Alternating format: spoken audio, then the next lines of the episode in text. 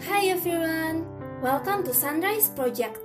Ini adalah segmen Youth Talk, tempat obrolan tentang lifestyle anak muda. Di sini kita akan membahas pertanyaan-pertanyaan seperti tujuan dan pilihan hidup, pendidikan, pekerjaan, kesehatan jasmani dan mental, dan masih banyak lagi. Selamat mengikuti!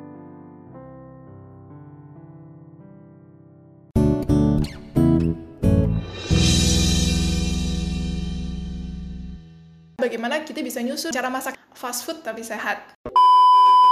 Jadi, kalau kalian sudah ikutin podcast kita, di dua episode yang kemarin, kita udah bahas tentang beberapa makanan yang kurang sehat. Jadi, kayak misalnya makanan produksi pabrik, kemudian beberapa dairy products, dan yang lainnya, yang kalau kita makan itu secara berlebihan, itu bisa membuat tubuh kita jadi kurang sehat. Nah, juga di podcast kemarin, kita membahas sedikit tentang meal plan yang menjadi salah satu tips untuk kita bisa hidup sehat, khususnya untuk anak-anak muda. Nah, cuman waktu itu kita nggak bahas dengan dalam, dengan detail. Nah, di podcast kali ini kita akan bahas bukan hanya apa itu meal plan, tapi kita akan bahas dari benar-benar real experiences. Jadi, pengalaman-pengalaman kita yang sudah kita jalani um, selama kita merantau atau selama kita menjadi anak kos. Nah, dan hari ini aku nggak sendirian, aku ditemenin uh, dua teman baikku, yaitu Sheila dan Yohanes. Apa kabar kalian? Halo. Hey everyone. Halo. Luar biasa, puji Tuhan. Oke, okay. thank you so much for joining today.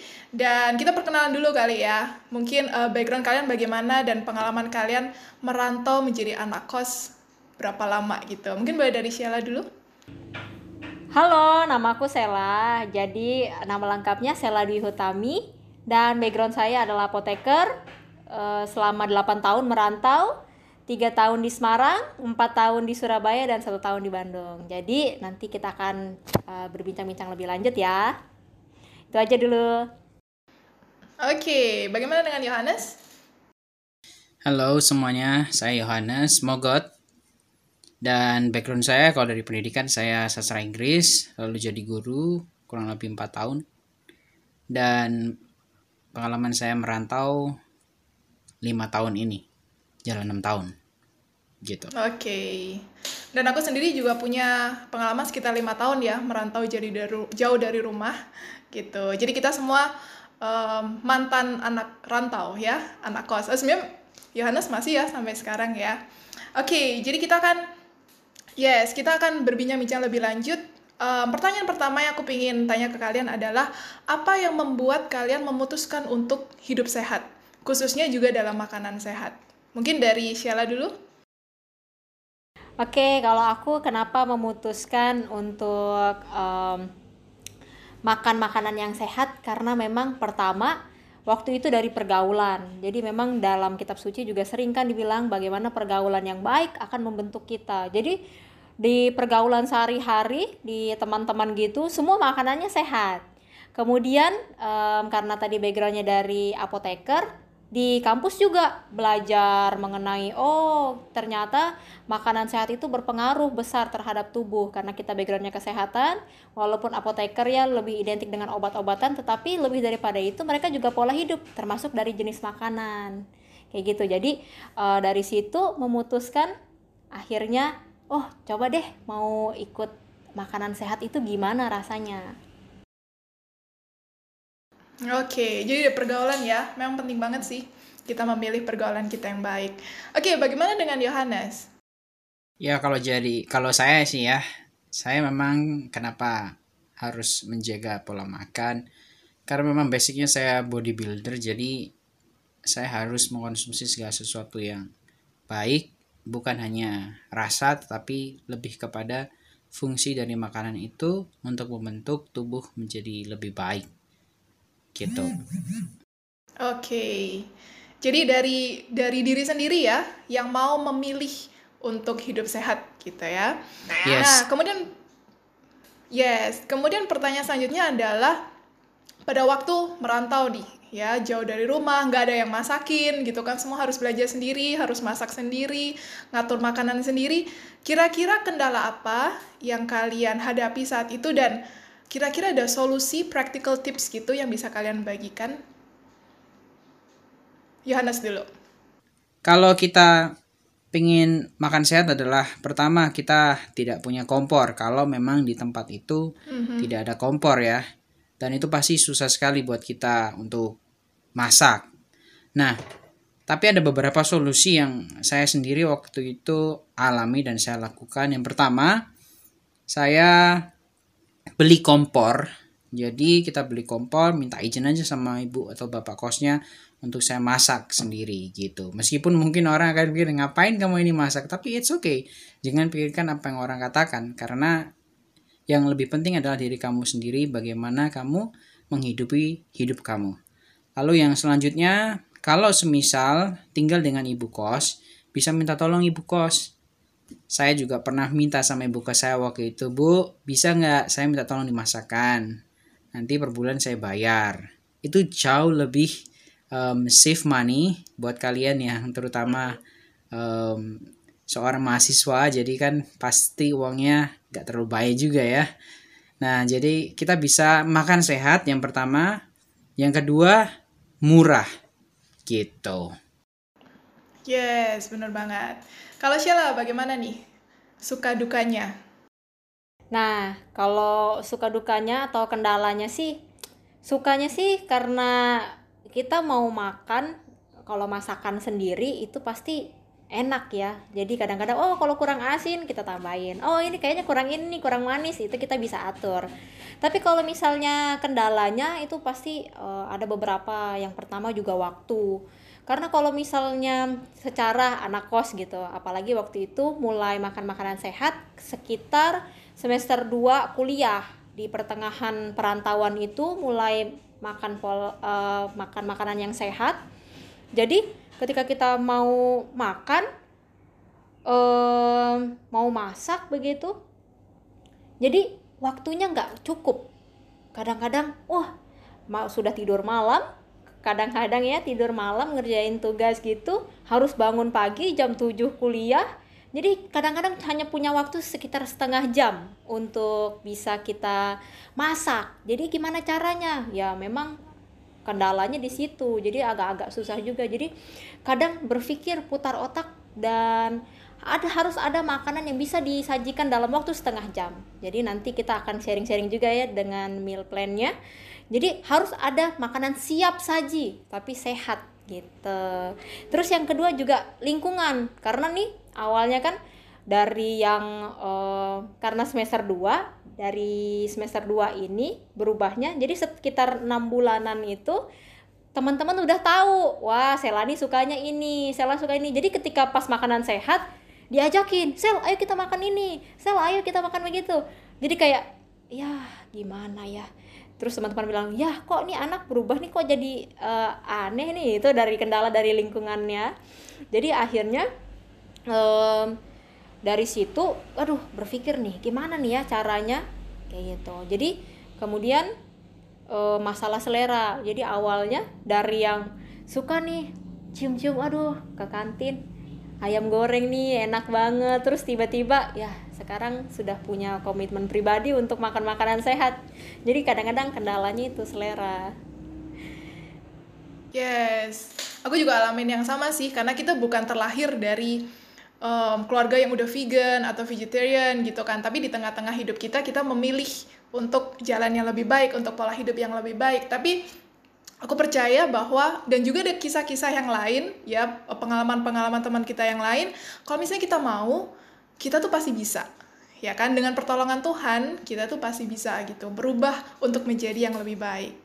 Nah, kemudian kalian udah beberapa lama kan, mungkin udah beberapa tahun ya, dan sampai sekarang kan masih menjalankan pola hidup sehat itu. eh, benefits apa nih yang kalian dapetin gitu, yang kalian rasakan ke tubuh kalian? Mungkin dari Sheila? Oke, kalau misalnya eh, benefitnya, kalau misalnya dari yang tadi kendala, benefitnya sebenarnya ada juga sih. Jadi karena di masalah di waktu, jadi kita pintar ngatur waktu. Kemudian juga kalau misalnya dari lingkungan teman-teman, jadi kita punya siasat tersendiri. Jadi misalnya, oh nih kita mau diajak temen nih, jadi kita harus makan dulu. Kemudian, oh nanti kita em, jalan-jalan tapi tanpa merusak pola makanan yang kita sudah buat. Kemudian juga benefitnya dari ke tubuh itu sendiri juga kan dulu saya alergi. jadi uh, punya langganan gitu ya. Langganannya bukan langganan apa tapi langganan penyakit.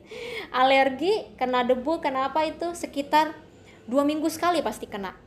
Nah tapi semenjak makan makanan sehat jadinya nggak sakit lagi. Pas pikir-pikir makan sehat loh tiga bulan?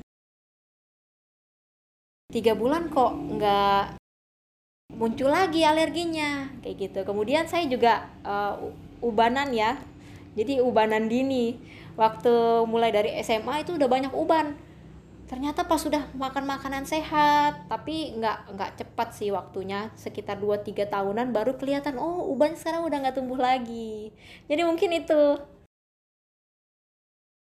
Wow, luar biasa. Aku baru denger loh kalau misalnya kayak itu bisa merubah apa ya? Kalau alergi aku memang punya pengalaman juga. Dulu kalau bangun pagi bisa 10 kali 20 kali bersin gitu. Tapi puji Tuhan sekarang udah hampir nggak pernah. Dan aku juga baru tahu sih kalau yang ubanan itu bisa bisa apa ya bisa dari pengalamannya Sheila bisa nggak jadi ubanan lagi dengan pola hidup sehat. Luar biasa ya. Keren banget. Iya. wow. Kalau misalnya bagaimana nih pengalamannya benefitnya yang dirasakan?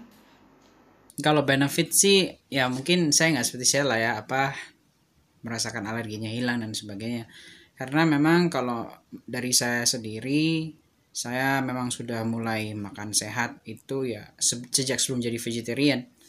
Nah cuman kan itu masih dari sumber hewan ya. Jadi saya cuman switch aja. Nah benefit yang lebih saya terlihat terasa di tubuh saya adalah sebagai seorang bodybuilder. Jadi kita bisa punya bentuk tubuh itu yang lean dalam arti yang no fat ataupun um, meshnya bisa terlihat. Jadi gitu. Itu untuk uh, dari sisi bodybuilder. Nah namun lebih daripada itu adalah um, saya ingin supaya pada saat nanti sudah tua nah kita mungkin tidak sakit-sakitan juga begitu. Karena mm-hmm. saya yakin dan percaya dan saya ada prinsip bahwa apa yang ditabur itu yang akan dituai. Nah sering kali kan kita dengar dari teman-teman ataupun dari orang tua pasti bilang ya kamu di usia tua pasti kamu akan sakit-sakitan. Dan dokter pun bilang bahwa Pak Bu tolong dijaga makannya. Pasti itu ditanyakan. Saya udah selalu dengar kata-kata seperti itu setiap kali orang check up. Nah jadi itu yang saya pikir. Juga teman-teman mungkin ada prinsip juga kita hidup cuma sekali jadi why not? Kita senang-senangkan. Tapi menurut saya kalau kita bisa um, memutus rantai itu bahwa kita ingin hidup sehat mulai dari kita. Masa muda saya yakin masa tua kita pasti juga akan baik. Cuman sekali lagi kita tidak tahu karena hidup ada di tangan Tuhan. Cuman at least kita sudah berikan yang terbaik dan kita sudah menjaga tubuh kita ini sebagai tubuh yang diberikan Tuhan baik Tuhan. Dan biarlah semuanya menjadi um, kemuliaan nama Tuhan. Gitu Wow, aku setuju banget sih, setuju banget yang itu. Alright, thank you so much udah sharing ya pengalaman suka dukanya. Nah, sekarang kita masuk ke yang practical tipsnya, oke? Okay? Jadi kita akan ngobrol-ngobrol sedikit dan sharing juga bagaimana untuk meal planningnya, ya. Bagaimana kita bisa nyusun dan juga mungkin kita bakal sharing juga um, cara masak yang cepet ya, yang tadi Sheila bilang fast food tapi sehat.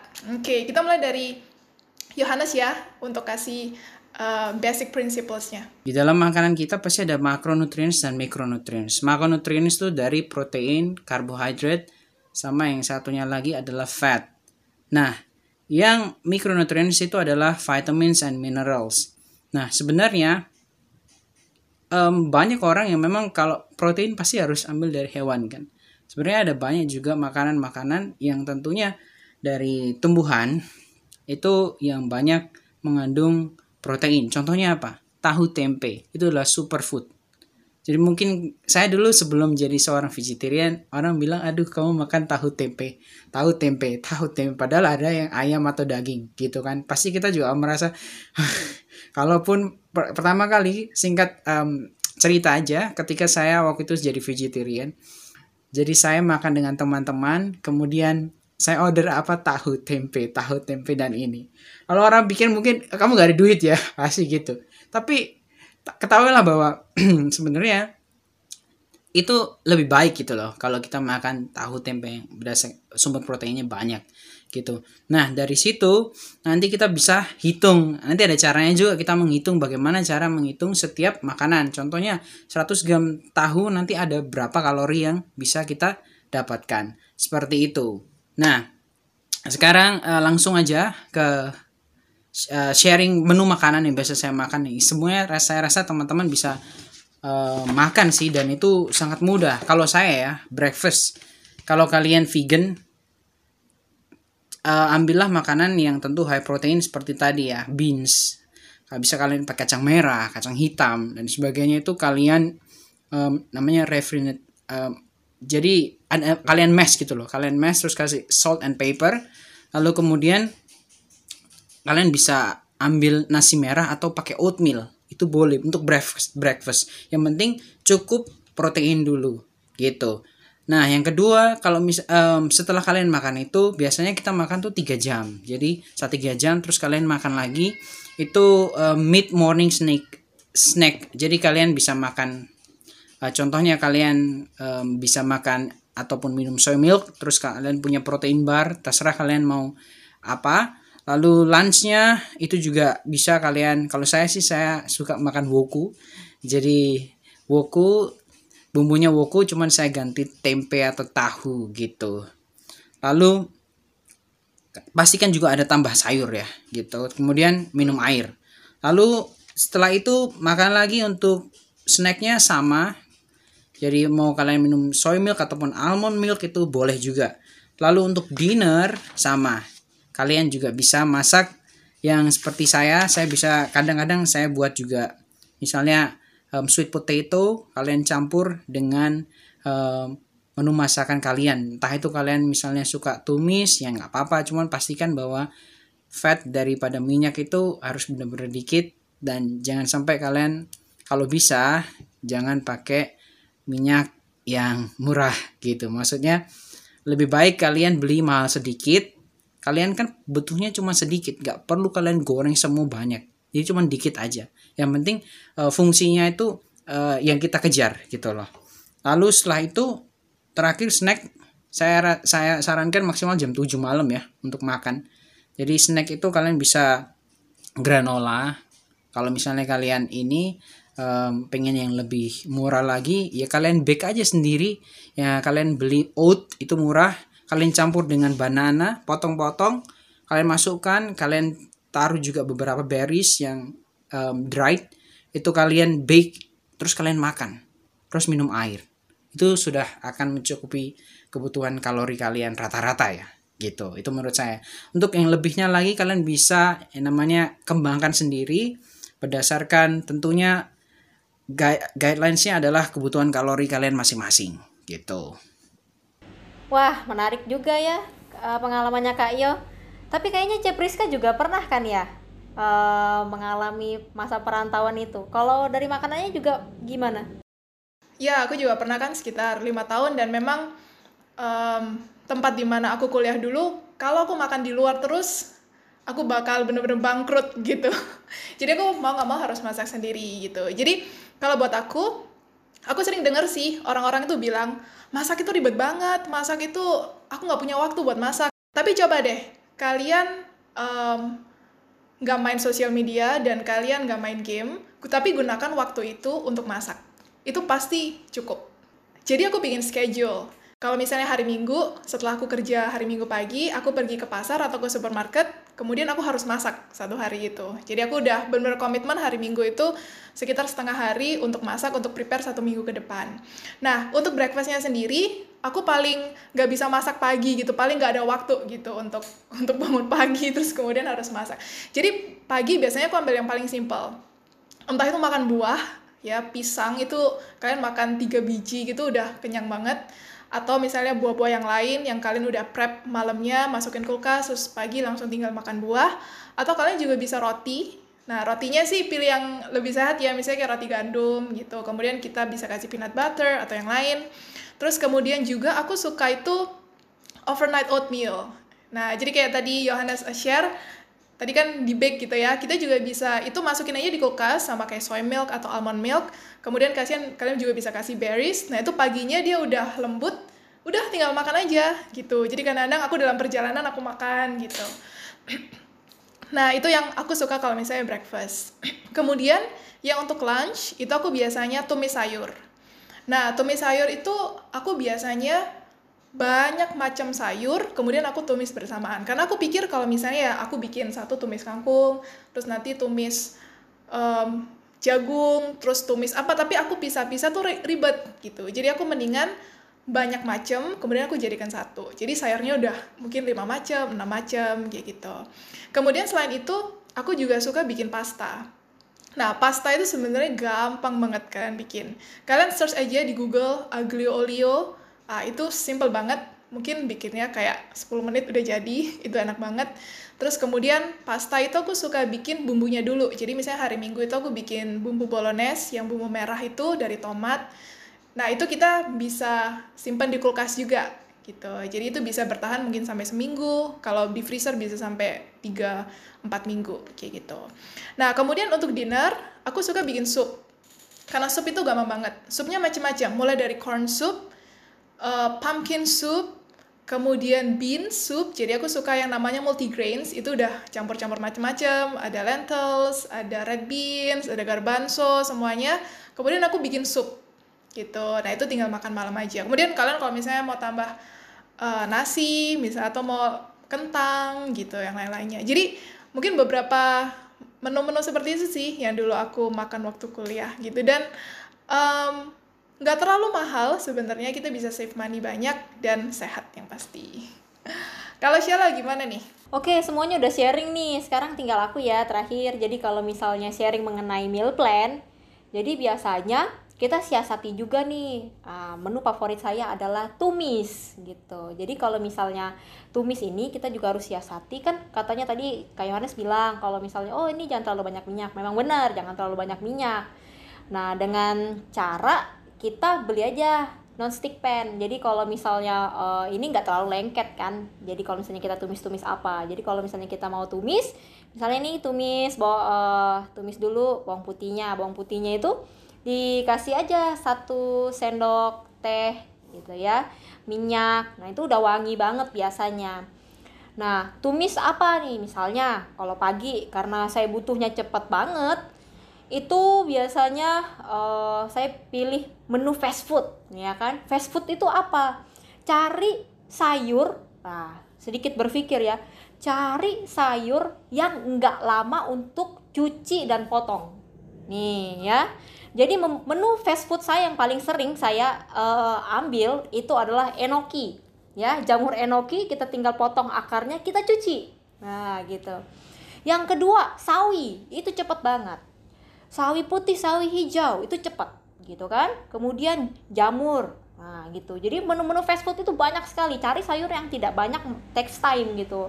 Tapi kalau misalnya kita pilih bayam, waduh, itu bakal susah banget karena kita harus uh, potongin satu-satu gitu atau mungkin kangkung itu lama, nggak bisa. Jadi waktu itu uh, misalnya di pagi saya mau cak enoki. Nah, biasanya saya barengin dengan sayur yang lain juga. Mungkin kalau misalnya uh, enoki udah terlalu banyak proteinnya oh cari yang lain nih. Uh, mungkin bisa dicampur dengan uh, sawi putih atau juga corn gitu ya. Kemudian siangnya apa nih? Gitu. Oh mungkin siangnya mau pecel gitu. Pecelnya apa? Oh tinggal rebus-rebus aja sayur. Nah sayur kan kalau pecel kan mungkin image-nya bayam ya tapi kita bisa ganti dengan sawi putih gitu kacang panjang kemudian kita kasih sausnya gitu. Sausnya kan gampang juga ya tinggal uh, bawa uh, bawang putih kasih uh, gula merah dan juga kacang. Nah kalau misalnya malam itu carilah. Biasanya sih mungkin ada beberapa yang uh, suka makan malam gitu. Disaranin memang dari jam 7 paling lambat tapi saya selalu bicara lagi kalau jam 6 kita udah beres gitu. Jadi kan kita kan nggak mungkin nih makan nih uh, slow banget kan. Uh, satu jam atau mungkin kita termakan terlalu cepat nggak bisa. Jadi kalau itu cari makanan yang simple juga untuk malam gitu. Jadi kalau misalnya malam misalnya uh, saya biasa karena anak kos banget gitu. Jadi buah-buahan yang paling murah itu adalah pepaya pisang nanas ya. Kalau di Indonesia banyak sekali itu dan itu murah satu biji pepaya itu cuma 8000 ya itu bisa dua kali makan. Jadi misalnya malam pepaya pisang kemudian kita taburin bubuk kedelai gitu ya supaya rasanya sedikit nice gitu ya. Dan dikasih gula merah buat dressingnya dipotong kecil-kecil. Kemudian kalau misalnya uh, hari keduanya apa nih? Oh nggak sempat lagi nih butuh waktu yang cepet untuk menyiapkan makanan tadi ingat ya waktu dalam waktu setengah jam. Jadi ini lumayan menguras pemikiran juga. Dalam waktu setengah jam kita udah harus prepare. Biasanya saya kalau nggak sempat langsung jus. Ambil juga buah-buahan yang nggak text time. Contohnya buah naga dan buah pisang. Buah e, mungkin buah stroberi atau mungkin buah pepaya. Nah itu kadang-kadang harus ada di kulkas. Jadi saya paling senang jus buah naga dan pisang.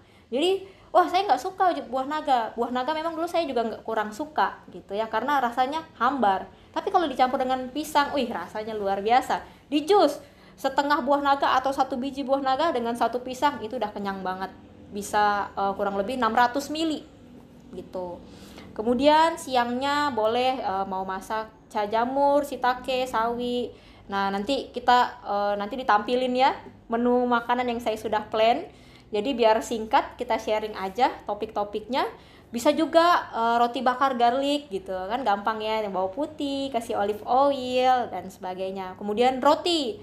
Kalau kita uh, kayaknya besok nih bakal ada kegiatan yang um, hektik banget. Kita harus bangun pagi nih dan kita harus makan. Nggak punya waktu makan. Bisa waktu masak setengah jam tapi nggak punya waktu makan. Nah strateginya apa lagi? Oh pakai roti paling simple adalah roti diirisin pisang kan pisang kan tinggal buka diirisin dikasih madu gitu. Nah cepat gitu makan semuanya.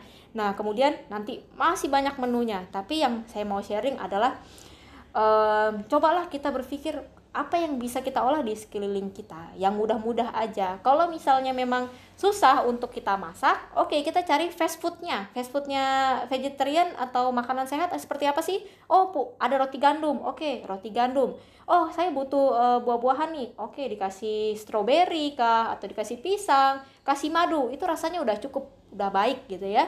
Kemudian juga oh aku nggak sempat waktu. Nah nih tips yang paling simpel lagi. Saya nggak punya waktu lebih lagi oke kalau gitu kalian bangun pagi kalian bangun pagi masukin mungkin singkong ya. Singkong masukin ke magicom.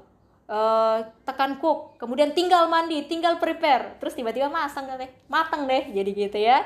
Jadi tiba-tiba uh, sudah mateng kita tinggal bawa. Kita mungkin kasih oh singkong kayaknya kurang manis nih kasih madu. Oh mungkin uh, saya punya tes sedikit agak sedikit masam kasih sedikit perasan jeruk nipis atau mungkin oh kayaknya enak nih dikasih taburan kacang. Wah itu ide masing-masing selera ya.